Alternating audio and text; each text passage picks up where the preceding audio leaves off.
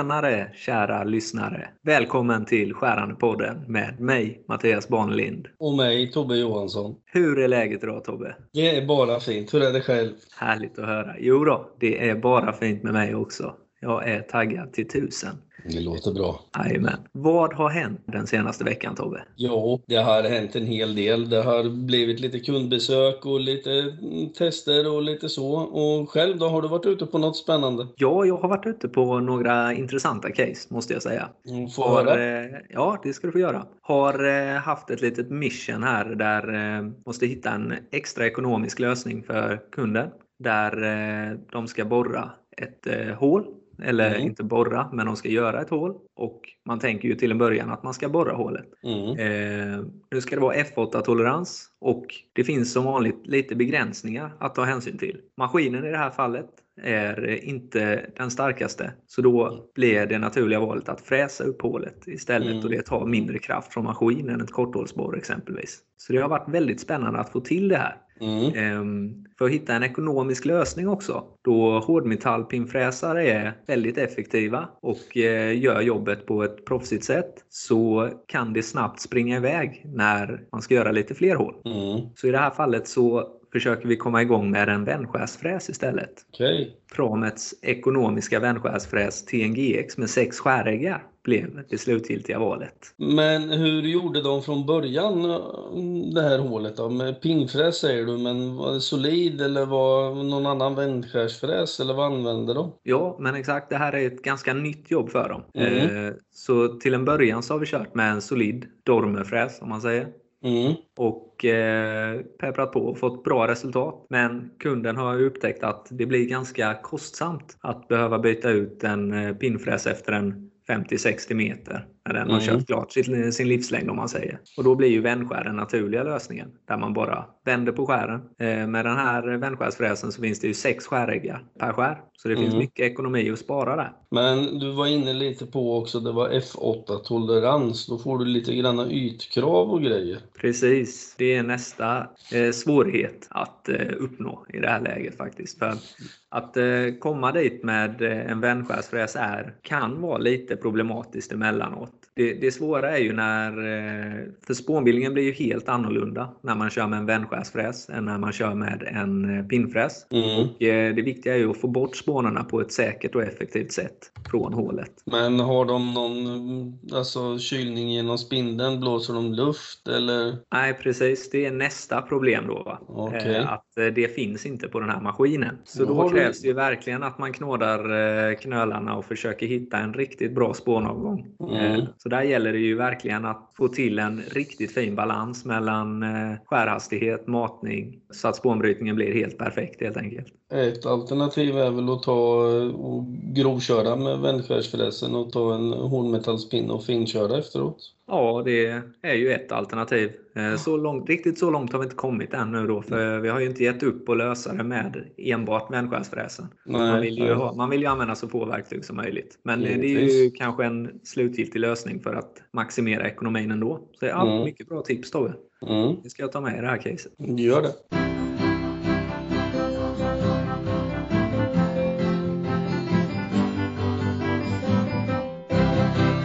För den hjälpen Tobbe. Och eftersom du eh, kan så mycket så kanske du kan berätta vad du har gjort i veckan. Ja, absolut kan jag göra det. det har varit, jag har inte testkört någonting denna veckan ännu. Jag ska åka iväg i, i, senare i veckan och göra detta. Mhm. Blir lite grann korthållsborrning i lite suspekt rostfritt. Ja, trevligt. Ett Mm, misstänkt det- rostfritt material alltså. Ja, det är ventiler som har säkerligen suttit monterade någonstans i tio år som gjutet rostfritt. Och det, gjutgods vet vi ju alla hur det fungerar. När det blir äldre så hårdnar det, så det har ju helt andra egenskaper. Precis som lite du och jag då. Jag Ja, är ju precis. ett nytt fräscht rostfritt material och du är ett lite äldre. Jag har lite hårdare skal än du har kanske.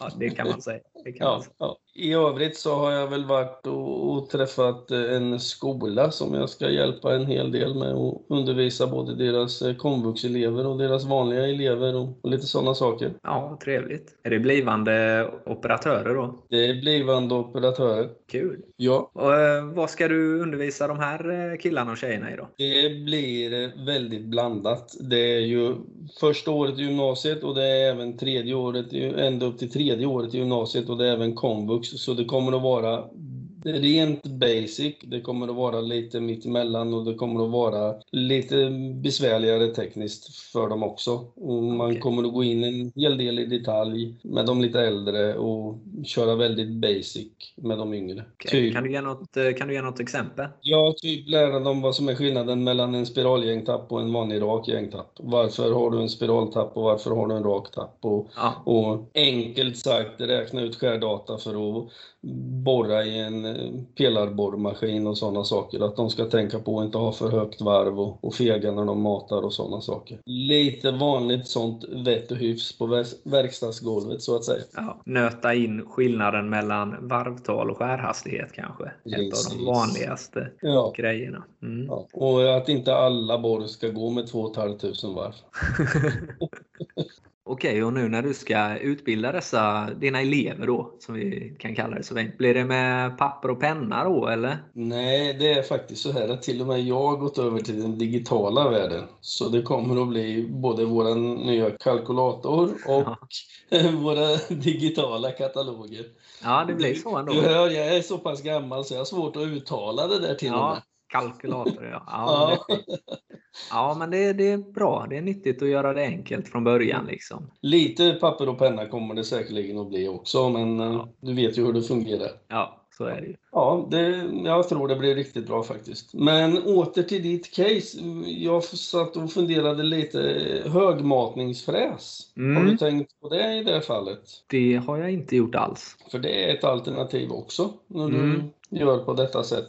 Det är det ju helt klart. Det ska ju vara runda hål som sagt. Mm. Eh, Men om du går tillbaka till idén jag hade att du grovfräser med vändskär och finkör med hårdmetallspinne Mm. Så skulle det fungera också. Jajamän. Det påminner mig faktiskt om ett case jag hade för ganska många år sedan. Vi hade en kund som eh, svarvade i slunggjuten Johnsonmetall, vilket innebär att det är ganska mycket sand och skräp i de- dessa rör. Och vi snackar alltså diameter 450 på detaljerna invändigt. Ja. Så det var ju liksom stora grejer och stora skär och stora maskiner. Men allt som de testade med gick sönder. Bommar och plattor och, och saker. Mm. Kan vi förenkla lite? Vad är slunggjuten Jonsson-metall för något? Eh, Johnsonmetall det är liksom lagerbrons kan man säga. Det Mm. är en, lite åt mässingshållet och Mm. lite åt bronshållet. Fast det är ganska abrasivt om man säger det. Som ett sandpapper för, eh, för hårdmetallsplattan. Det, sli, det nöter liksom ut väldigt snabbt. Ja. Och är det då dessutom så det ligger skräp i materialet, då blir det som en sten. Det, ta en hammare och klipp till på plattan får du samma effekt. Ja. Den smäller av direkt. Väldigt enkelt beskrivet. Så vad vi gjorde, han hade en annan lite speciell maskin, en stor karusellsvarv med ett eh, fräshuvud på. Och där satte vi upp de här detaljerna där i istället och sen eh, körde vi helt enkelt med en högmatningsfräs och spiralinterpolerade ner. Problemet var bara att han hade inte tillräcklig mm, med matning i fräshuvudet. Så Okej. bara, bara därför så gjorde han om lite i styrskåpet och så kunde han köra karusellen samtidigt som han matade med fräsen. Jajamän. Det var lite spännande att se det där faktiskt, eftersom de var ganska stora detaljerna också. Ja, det kan jag tänka mig. Kan Mm. jag tänka. Snyggt. Så det, man får lite idéer även eh, när man är gammal, vet du. Ja, du är inte för gammal för att lära dig något nytt. Nej, det blir man aldrig. Det går alltså att lära gamla hundar att sitta. Ja, ibland.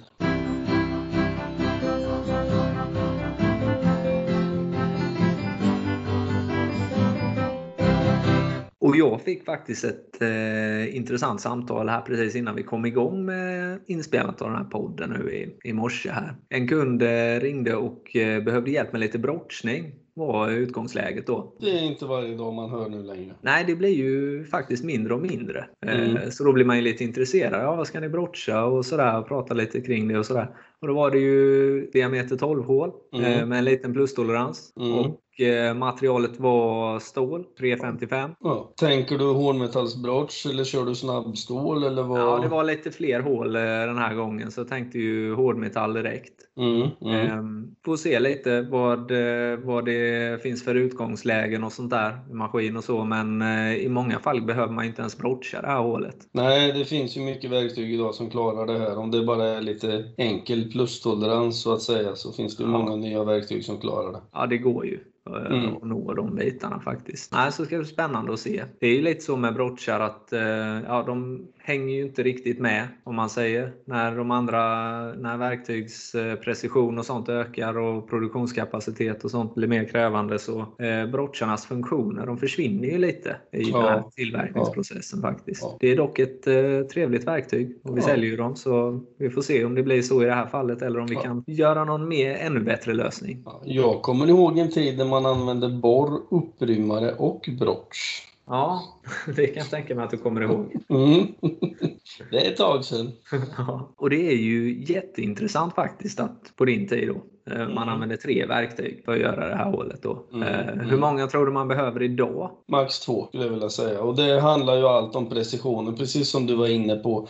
I maskinen, i sjuckar, i alltså verktyg och precis hela längden är ju en helt annan precision idag än vad det var förut om man säger. Helt klart. Alltså jämför du en manuell fräs gentemot en modern eh, NC-styrd så är det ju en helt annan sak. Du satte upp ett borr och borrade och sen skulle du upprymma och sen brottchade för det var inte samma rundgångsnoggrannhet och det, alltså alla bitar. Och målet måste ju i dagsläget vara att i de flesta fall kunna göra det med ett verktyg. Ja, ja det handlar ju om ekonomi i de flesta fall. De, det ska gå så fort som möjligt och det ska bli så bra som möjligt. Ja, så få verktygsbyten och den biten också. Ja. Men eh, det är ju lite oroväckande för de som älskar brottchning det här att vi sitter och diskuterar just nu. Så, Mm. Men vad tror du Tobbe, du som har erfarenhet av eh, sedan långt tillbaka i tiden? Vad, eh, vad tror du om brottchar om, låt säga om tio år? Nej, jag, eller jag tror och jag hoppas på att de finns kvar. Mm. För det finns applikationer där, där du absolut måste ha dem, så är det. Ja. Alltså, det finns ju verktygsmakare som använder dem. Du ska ha alltså, styrpinnar till verktyg och sådana här saker där du måste kanske brotcha ett hål eller en konisk styrpinne ska i ett hål och det är ju lite svårare att fräsa fram eller borra fram ett koniskt Mm. hål. Ja, så jag, jag tror inte att de någonsin kommer att försvinna helt faktiskt. Nej. Eller rättare sagt, jag hoppas väl det mer eller mindre. Ja, så ändå lite goda nyheter för Ja, er brottchälskare där ute. precis. Mm. Ja, som man kan säga, brotch lönar sig. ja, det är bra. Ja, och vad det gäller brottchning så har jag ett bra exempel på hur man inte ska göra när man brottchar. Såklart. Jag hade en kille som ställde sig i en pelarborrmaskin och så skulle han brottcha ett eh, gäng detaljer. Vad han inte gjorde var att sätta fast skruvstycket i bordet. Okej. Så han sätter i detaljen och börjar sakta att brottcha. Och helt plötsligt så följer alltihop med brottchen upp. Alltså skruvstycke och detalj och allting börjar följa med uppåt. Så han står ju alltså och håller i skruvstycket med ena handen och i matningsspaken med den andra handen och blir lite grann rädd och vet inte hur han ska göra för att få stopp på det här. Nej. Men mitt fram på fronten på pelarborrmaskin satt eh, nödstoppsknappen. Ja, de finns Så ju vad han- nära till hands. Så vad han gör helt klart det är att han skallar helt enkelt nödstoppsknappen och lyckas göra det så hårt så han slår sönder pannan. Utstickande på den här knappen var bokstäverna stopp. Så han fick ett R i pannan, men där blir det ju spegelvänt, så han fick gå under smeknamnet Mr Potts efteråt. Okej ja. Men det, det är som sagt, så ska man inte Ja. göra när man brottsar. Nej, det är viktigt att förtydliga att man inte ska göra det. Men det var ju lite så, han glömde bädda sängen innan han gick och la sig där, för det var inte riktigt fastspänt helt enkelt som Nej. ledde till det här. Ja. Nej, det satt inte fast. Och då, alltså, det kan hända både när man borrar och brottsar att alltså, skruvstycke och, och allting följer med upp. Och det, det blir ganska farliga situationer. Ja. Men i efterhand lite grann kul. Vill du som lyssnar höra lite mer om brottning eller lite andra ämnen kring skärande bearbetning så tipsa gärna oss. Skicka in vad du vill att vi ska prata om till info.se dormepramet.com